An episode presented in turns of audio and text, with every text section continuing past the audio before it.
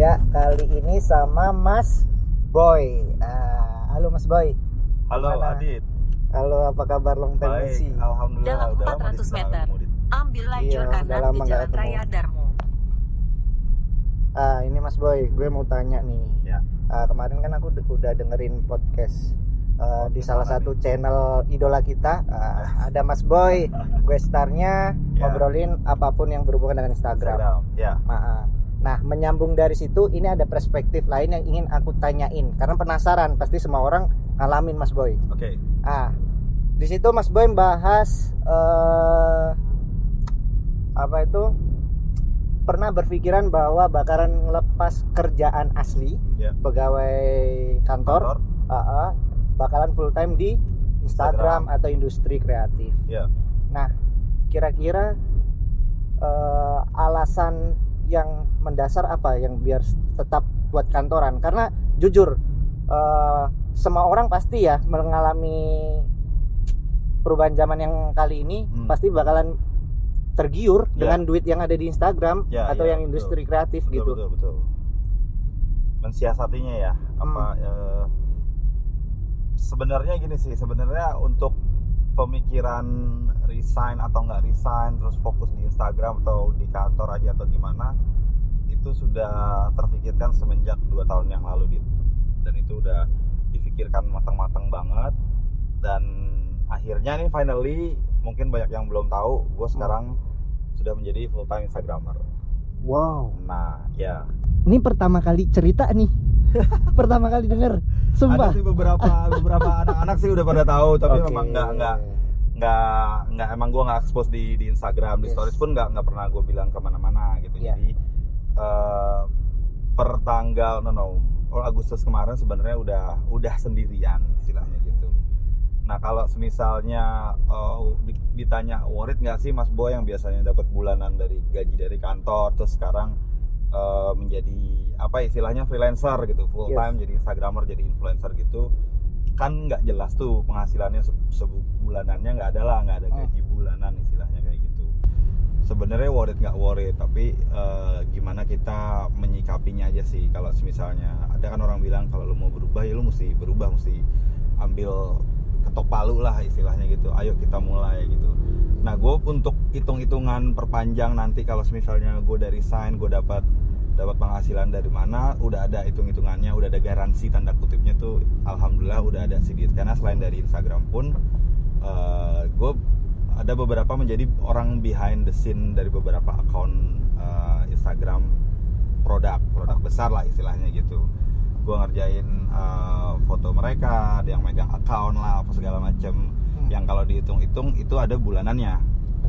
Se- per bulan tuh gue ada masukan dari eh, dari pekerjaan itu istilahnya begitu.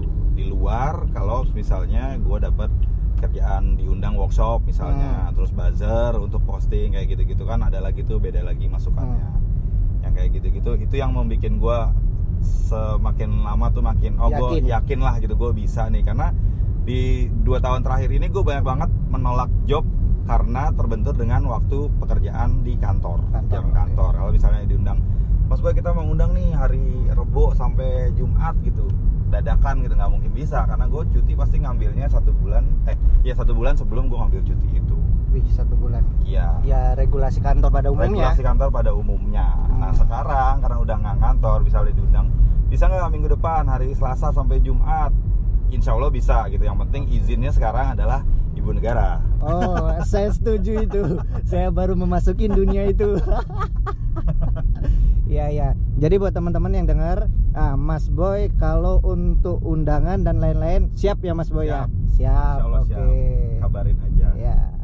Nah, eh, melanjutin pertanyaan yang tadi Mas Boy. Ya. Eh, di sini itu eh, apa ya? Akhir-akhir ini bermunculan para kreator baru. Ya. Entah yang lama berubah jadi kreator, yang Ya. baru langsung jadi kreator. Nah, eh, selain kita mem- apa? Membuat kredibilitas diri sendiri, Ya. eh, ada nggak tips lain selain kita? Karena kalau untuk membuat kredibilitas itu pasti panjang, lama Panjang, kayak ya, gitu. butuh Ada nggak tips-tips lain? Oke, sebenarnya jatuhnya ke personal branding. Personal branding itu harus dikuatin diri sendiri dulu, seperti yang tadi uh, Adit bilang. kalau personal brandingnya udah kuat kita mau jual apa pun sebenarnya gampang tapi harus yang positif ya garis bawahin jangan yang yang enggak enggak jangan main asal viral jadi kalau misalnya kita mau menjadi apa ya eh, menjadi kreator yang bagus menjadi dikenal orang menjadi inspirasi segala macam bikinlah sesuatu yang eh, positif yang berbeda yang menginspirasi orang lain yang yang lain dari yang lain berbeda lah pokoknya yang kira-kira wah ini orang unik ya ini kok eh, bener juga nih ya kayak gitu-gitu. Karena pada dasarnya kan gue menyebut diri gue sendiri sebagai instagramer ya Dit ya kita kan Iya. instagramer nih nah kalau misalnya dijelasin lagi kayak kemarin gue bilang instagramer tuh apa sih instagramer tuh bisa dibilang adalah eh, pengguna instagram yang aktif kemudian kreatif dan dia Hmm. bisa harus share sesuatu yang positif Oke. asal tiga itu dipegang insya Allah jalannya lancar jalannya lancar. yes gitu aja nggak usah cari yang instan beli followers beli likes tuh hati-hati deh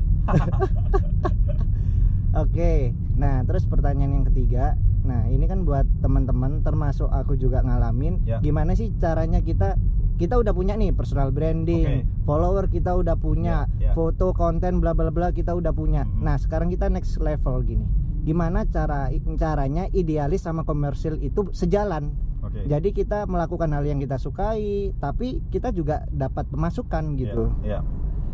Eh, sebenarnya yang harus ditekankan sekarang adalah kita harus pede dengan apa yang kita punya, dengan apa yang kita Pede. kerjain gitu. Karena pada dasarnya kalau eh, kita balik lagi ke misalnya kita ada ada kerjasama sama brand. Kalau misalnya brand itu sudah tertarik sama Boy lagi nih misalnya, Hmm. Mas Boy kita mau dong brand kita ada di Instagram Mas Boy Mas Boy bikin kontennya eh, terus nanti eh, post dengan hashtag kita dengan tag eh, brand kita segala macam Hmm. otomatis dari langkah pertama itu dia sudah percaya sama kita harusnya mereka percaya dengan apa yang kita buat nantinya Oh, oke. karena nanti kan pasti ada proses eh, leg- bukan legitimasi apa ya approval approval sama si oke. brand tadi misalnya brand kan pasti dia punya punya guideline gitu ya. guideline-nya markanya mereka sendiri itu Ah. apa tuh misalnya Mas Boy kita nanti guideline-nya seperti ini fotonya eh, apalah misalnya harus ada anak kecilnya misalnya kayak Ah. gitu terus nggak boleh nggak boleh konten sara dan warna dasarnya kalau Apa? perlu ada warna ini nggak boleh warna ini udah seperti itu aja Nggak boleh warna kompetitor Ya. gitu.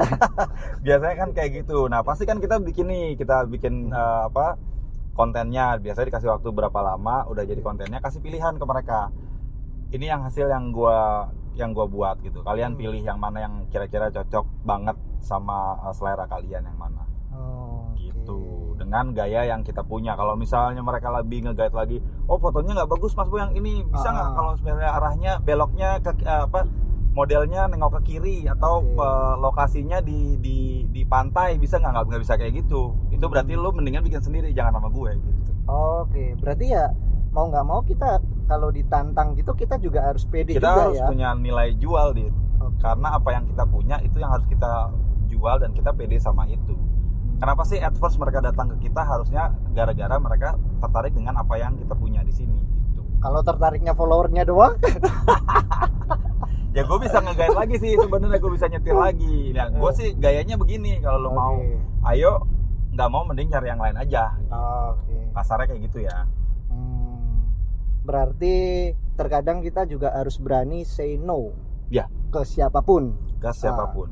Karena banyak banget ya kayak gitu tuh mereka tertarik sama akun kita Hmm. terkadang sama followersnya banyak. Hmm. terus eh, karena eh, orang ini terkenal misalnya kayak Oke. gitu tapi barang yang mereka punya atau brand yang mereka tawarkan nggak cocok nih sama kita gitu. Oh. misalnya kayak ada yang nawarin nih dari dari pihak brandnya brandnya ini adalah brand lipstick gitu tapi Mas Boy yang mesti mesti posting gitu kan terkadang di sisi lain buat gue ini nggak cocok banget nih lipstick buat gue Oke. gue nggak kepake juga tapi di sisi lain adalah ini tantangan buat gue gitu kalau misalnya gue bisa posting ini bisa aja gue pakai apa namanya cuma posting eh, apa namanya flat lay Hmm. dan barangnya mungkin kepake sama istri gue nantinya kayak gitu gitu kalau memang bener-bener lo nggak cocok lo nggak suka tinggal bilang nggak suka aja gitu Oke.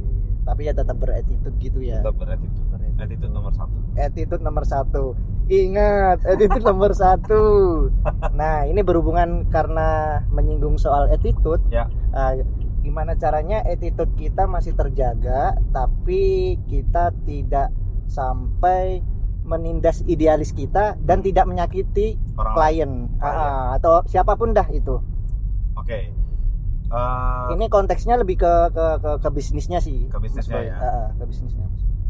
Oke sebenarnya attitude itu garis bawahin kita menjadi orang baik itu udah udah peraturan patokan ke- untuk setiap manusia. Hmm. Nah tapi di di balik semua itu kan ada ada hak dan kewajiban nih antara kita dan si klien. Nah kalau misalnya eh, apa-apa itu ujung-ujungnya jadi eh, bermasalah, karena sebenarnya masalah itu muncul karena komunikasi yang kurang baik. Gitu. Oh, komunikasi. Intinya itu Oke. ada baiknya sebelum kita deal atau sebelum kita melakukan campaign atau kerjasama sama brand apa pun siapa pun yang ada tuh harusnya kita ketemu dulu Oke. meeting dulu sama orang ini orang Brief ini jelas, brief gitu. jelas kan Berarti belum wajib tentu- meeting.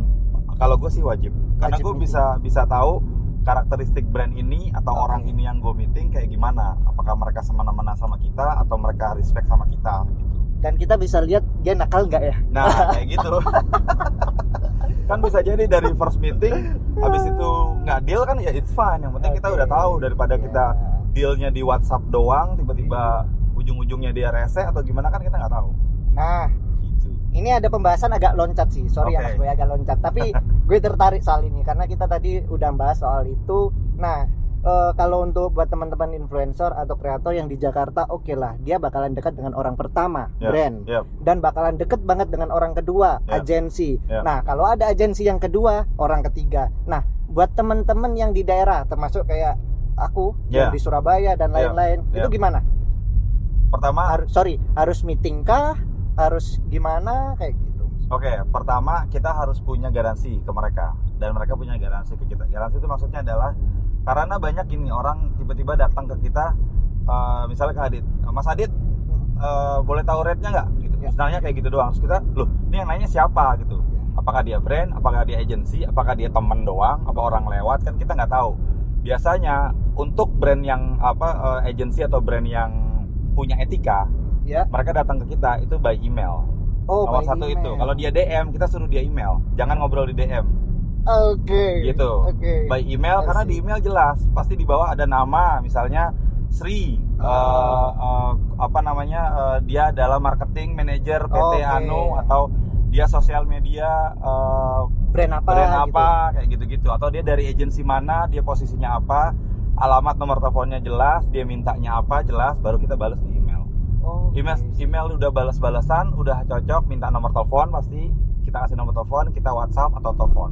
Oh, oke. itu udah jelas garansinya udah ada. Itu yang kembali lagi tadi gue bilang garansinya dia udah kita lihat. Ah. oh nih orang benar. Kalau emang kita ragu atau gimana telepon aja. Pasti kan ada tuh. Oh, si Anu PT Anu agensi Anu nomor sekian. Bisa nak sama Oh. Bu ini nggak bener nggak ini? Oh ya oke ya nggak soalnya gitu. Aja kita jelasin aja karena kita ragu. Hmm, Oke. gitu.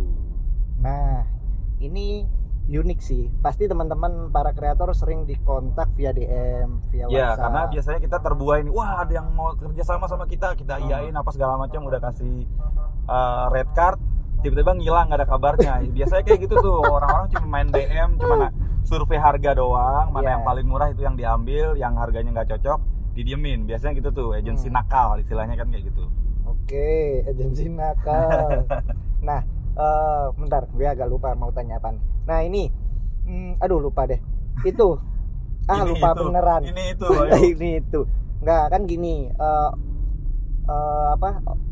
Banyak banget agensi bahkan marketingnya dia ngontak via WA langsung karena mungkin ada akses kayak nomor Hmm. yang apa di bio kita Ya. kayak gitu. Ya. Nah, eh, bukannya fleksibel dan enakan langsung via WhatsApp harus pakai email. Bahkan eh, aku pernah baca salah satu influencer sih Ya. dan Mas Boy kenal eh, di Jakarta, dia pakai sistem lama yang mana dia lebih suka langsung di WhatsApp karena eh, dia bukan ya orang yang email oriented Ya, kayak gitu. oke. Oke, kalau itu kembali lagi ke Personal. eh, personalnya. Oh. Kalau semisalnya lu yakin, lu pede ini orang bukan agensi bohongan, Hmm, go ahead gitu. Kan pasti lu punya kriteria sendiri bahwa lu bisa percaya sama orang ini gimana. oke. Gue pun beberapa kali pernah cuman deal sama yang cuma DM, sama Iya. deal sama yang cuma WhatsApp. trusted. Ya, karena emang kita kita bisa ngebaca nih orang ini bener apa enggak gitu. Karena kan biasanya apalagi kalau yang cuma WhatsApp tapi detail. Misalnya Mas Boy kita mau Dari uh, siapa, gitu. kerjasama ini total postnya sekian udah ngasih tahu harga mungkin segala macam nanti contoh postingannya seperti itu udah udah udah jelas udah template-nya mereka nah dari situ pasti kan ada beberapa orang yang bisa percaya itu gitu. Hmm. masuk oh ini kayaknya bener nih gitu. Terkadang kalau misalnya kita ragu eh, bisa tanya kira-kira siapa lagi yang dihubungin? Atau eh, influencer mana lagi kira-kira yang udah oke? Gitu. Pasti dia kasih nama tuh oh ada lagi si ini si ini si ini. Nah lu bisa cross check tuh sama orang-orang itu. Eh lo di- dihubungin brand ini nggak? Iya nih Ah. mas boy gini gini. Oke jadi kan cross check bener. Ah, oh ternyata bener ya gitu. Oke. Nah, ini agak spesifik eh, spesifik lagi eh, apa namanya?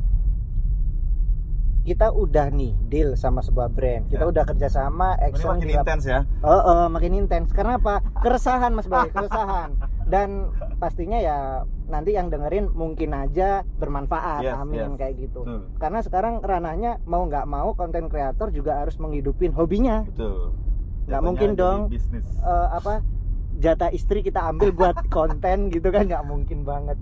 Nah, apa tadi lupa dipotong.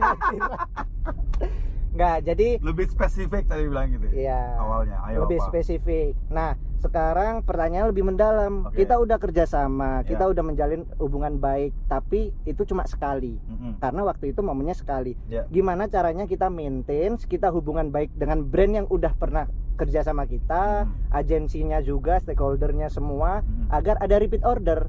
Karena aku lihat kepo nih, kepo, Hmm. kepo, kepo Mas Boy. eh, ini kan klien yang dulu balik lagi, klien yang dulu balik lagi. Gimana nih sih dapatnya? Karena kalau cuma dapat sekali, semua orang selama follower dan influence pasti dapat. Tapi memaintainnya gimana Mas Boy? Oke. Eh, ini sedikit clue, sedikit tips ya buat eh, eh, yang gua lakukan dan yang kita lakukan ya orang-orang lama lah istilahnya ya. Oke. Eh, loyalty pada brand itu terkadang eh, konyol, simple tapi penting. Maksudnya gini, kalau misalnya kita deal sama brand A nih, Ya. Mas Boy kita deal ya gini-gini, oke dealnya berapa? Dua pos misalnya. Oke. Oke, dua pos kita dihargain satu pos sekian, satu jadi dua pos total sekian. Oke. Tit, Iya, disensor. Oke, dealnya cuma dua pos. Dua pos dalam jangka waktu dua eh, satu bulan misalnya, dua minggu. Eh satu minggu pertama pos pertama, minggu ketiga pos kedua. Habis itu selesai dong. Ya. Kerjasama kita selesai, dibayar, udah Oke. terputus sampai situ hubungannya. Ya. Kenapa bisa manjang segala macem? Yang harus dilakukan adalah kalau gua ya, yang namanya Hmm. kembali ke loyalty itu. Gue posting lagi beberapa kali tanpa mereka meminta di Oke. bulan berikutnya atau sesuka-suka gue gue posting lagi lah brand ini karena memang brandnya mungkin kepake dan Hmm. Eh, memang bagus gitu Hmm. kredibilitas brand ini bagus gitu Hmm. nanti ujung-ujungnya mereka pasti notice tuh meskipun nggak ada campaign mereka notice oh nih mas boy eh, Loyal nih. loyal ya baik ya emang orangnya ini ya karena sekarang gini kalau gue tanya lagi ke lu ke ke Yeah. konten kreator instagramer di mana pun gitu Hmm. apa ruginya sih lu ngepost Oke. oke lah lu punya harga satu post gitu Ah. terus setiap kali lu ngepost rugi lu apa gitu kuota doang men cuma lu ngedit ngedit bebas gitu posting posting posting kayak misalnya dealnya dua lu kasih tiga yang satunya hitungannya bukan rugi ya bonus aja ke mereka gitu itu kan kayak sisi lain bonus buat mereka aja mereka pasti Hmm. wah makasih mas boy ya jadi lebih nih oke fine fine bang nggak apa-apa bagus kok barangnya apa gitu Berarti someday dia punya campaign Mhm. yang dia ingat apa nama lagi. kita. Iya. Oke.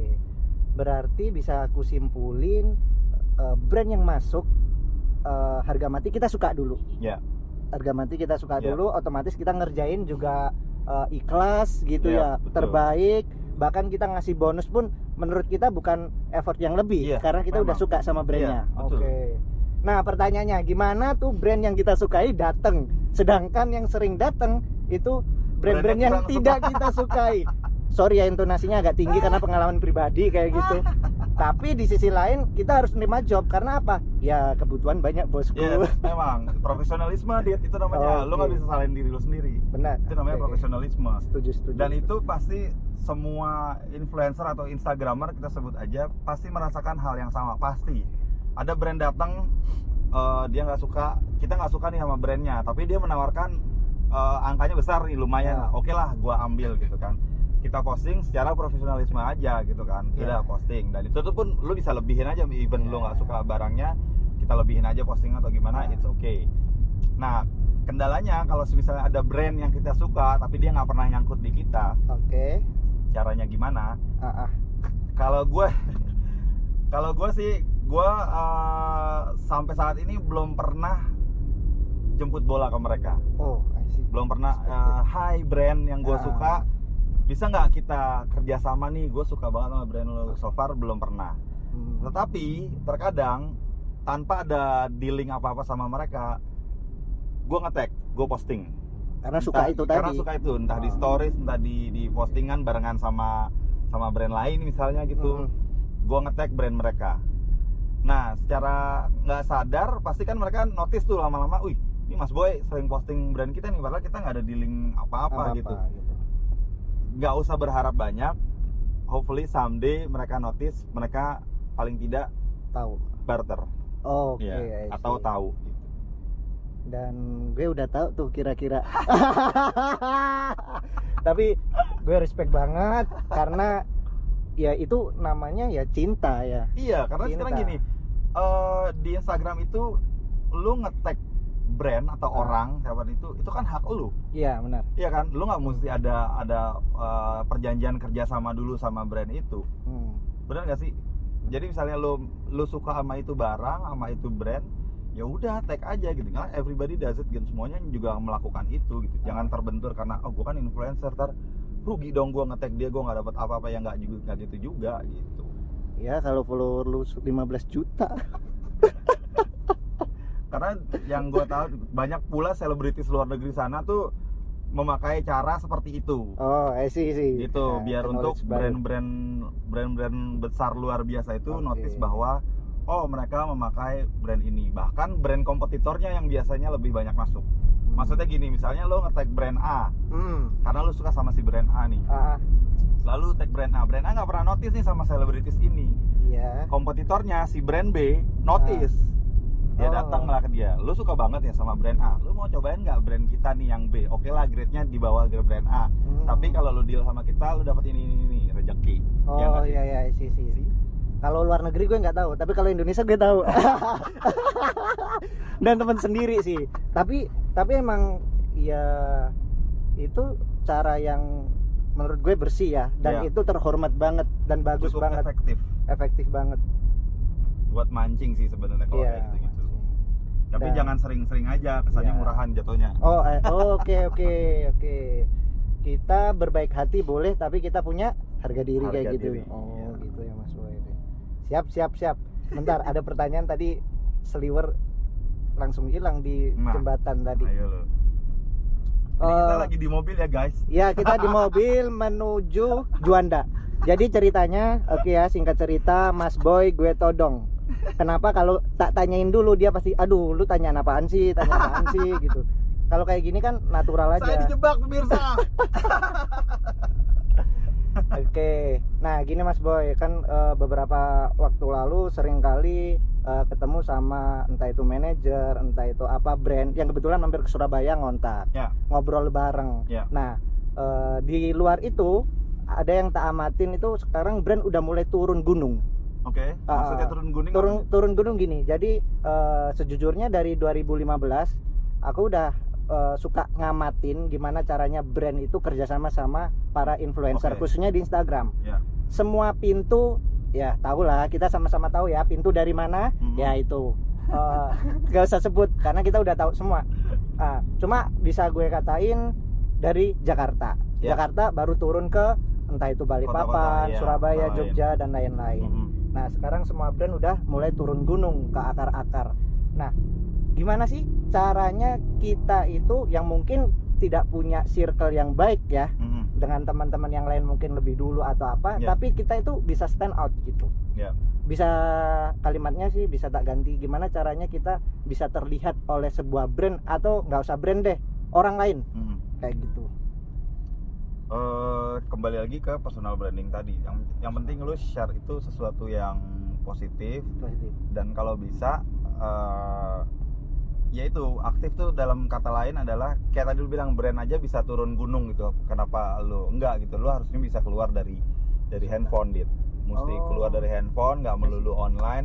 Oh, keluar dari handphone cari temen kayak kita instagramer bilangnya instamit Oh, kenalan sama teman otomatis kan circle menjadi lebih luas terus Hmm. koneksi juga makin banyak kesempatan juga makin banyak dari situ Oh, itu sih intinya karena relasi. biasanya eh, apa namanya chance itu atau eh, tawaran itu datang bukan hanya dari email WhatsApp DM dari brand Hmm. biasanya dari teman sekitar pun insya Allah ada.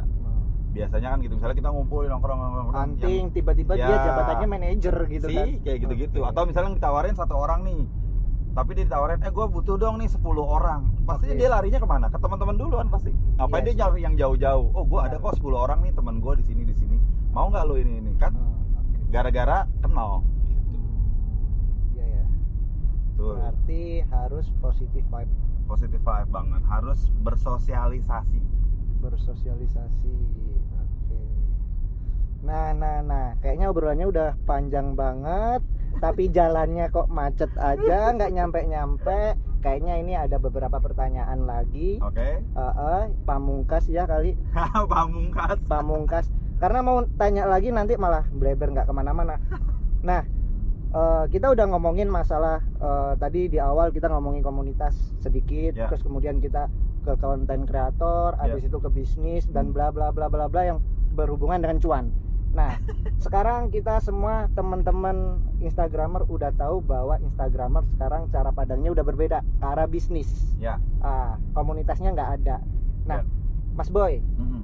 untuk Indonesia sendiri kira-kira komunitas masih harga mati nggak dalam artian dipegang teguh nggak kalau iya apa selanjutnya Oke. Jawabannya iya, 100%. Karena tidak menutup kemungkinan kita besar gara-gara community. Hmm, agree. Jangan jangankan kita ya, Instagram aja bisa sebesar ini. Bukan karena apa-apa, pasti karena komunitinya sendiri dan mereka meng- me- mengakui itu. Hmm, Ada statement dari Instagram bahkan dari si Kevin sendiri dia bilang kita nggak bisa seperti ini kalau bukan karena community. Makanya community first. Oh, oke lah community team sudah dihilangkan di Instagram. Udah nggak ada lagi yang namanya community team. Tapi community firstnya itu jangan sampai hilang itulah ya penerusnya adalah kita kita ini sebagai uh, believernya mereka usernya si Instagramer ini. Ini tuh semua harus me- apa ya memegang teguh. Kita harus benar-benar tetap menjadi apa ya community first lah. Hmm, tetap dijalanin jangan sampai hilang. Gitu deh nah, terus untuk di Indonesia kira-kira apa lagi nih untuk community? Oke, Indonesia community ya. Hmm, kalau dibilang-bilang sudah menurun, ya cukup menurun. Karena terakhir kali itu kalau kita ngomongin community Instagram biasanya jatuhnya ke Instamit. ya. Yang lebih besar lagi adalah Worldwide Instamit Hmm, atau WWIM. WWIM terakhir kali itu adalah satu tahun yang lalu, Dit. ya Itu di Bromo ya. Adit Bromo. waktu itu datang juga sama teman-teman di Surabaya juga. ah. Eh, WWIM 16 Asia waktu itu kita bikin di Bromo gede-gedean setelah itu udah nggak ada lagi WWM sampai terdengar kabar bahwa Instagram nggak akan lagi announce yang namanya Worldwide Instamit nah untuk langkah paling dekatnya langkah kecilnya sih sebenarnya untuk Iya. Indonesia sendiri gue pengen bikin yang namanya Worldwide Instamit sendiri dari Indonesia aja. Hopefully semua seluruh dunia atau kota eh, negara lain ikutan juga nanti di bulan November Woi, bocoran nih bulan November, oke? Kosongin jadwal, semua klien ditunda. November tanggalnya 17 18 nih. 17 18. disiap-siapin ya 17 18 November kita bikin Worldwide Summit di seluruh Indonesia. di seluruh Indonesia. Nanti sih gue sih kepengennya di satu tempat ya di satu kota itu either di ya salah satu kota lah di Indonesia yang kita kita belum pastiin lagi di mana. Oke. Tapi yang jelas kalau teman-teman nggak bisa bergabung di satu kota itu nggak ada kendalanya mungkin nggak punya waktu atau nggak ada ongkos Hmm. bisa bikin Instamit di kota kalian masing-masing tapi di tetap di tanggal yang sama tanggal 17 dan 18 itu Oke, 17 18 November. yes Nah, ini tambahan deh. Ya. Terakhir poll terakhir. oke Seberapa kangen lu sama Instamit? Ibarat dianalogikan deh.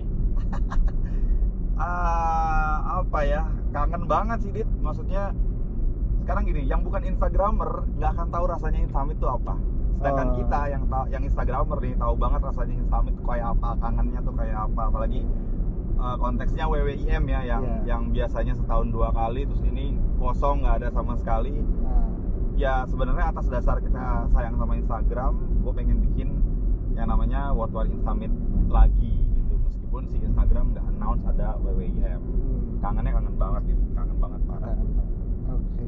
gitu sampai Iya. ketemu ya Dit datang dong Iya pasti insya Allah ya. insya Allah. langsung gue todong gantian Nanti istri tak bisikin. Liburan ini, liburan. Nyampe sana tiba-tiba instamit. Oke Mas Boy, terima kasih. Sama-sama. Terima kasih udah sharing bareng. Siap. Mohon maaf kalau todongannya ternyata efektif ya lumayan. sangat efektif Karena nggak ada yang difilter juga ya. Uh, nggak ada yang difilter ini. Ini Nggak terus ada, terang. langsung live nih Cuma kalau untuk pertanyaan yang lebih intens, sorry ya, nggak gue rekam.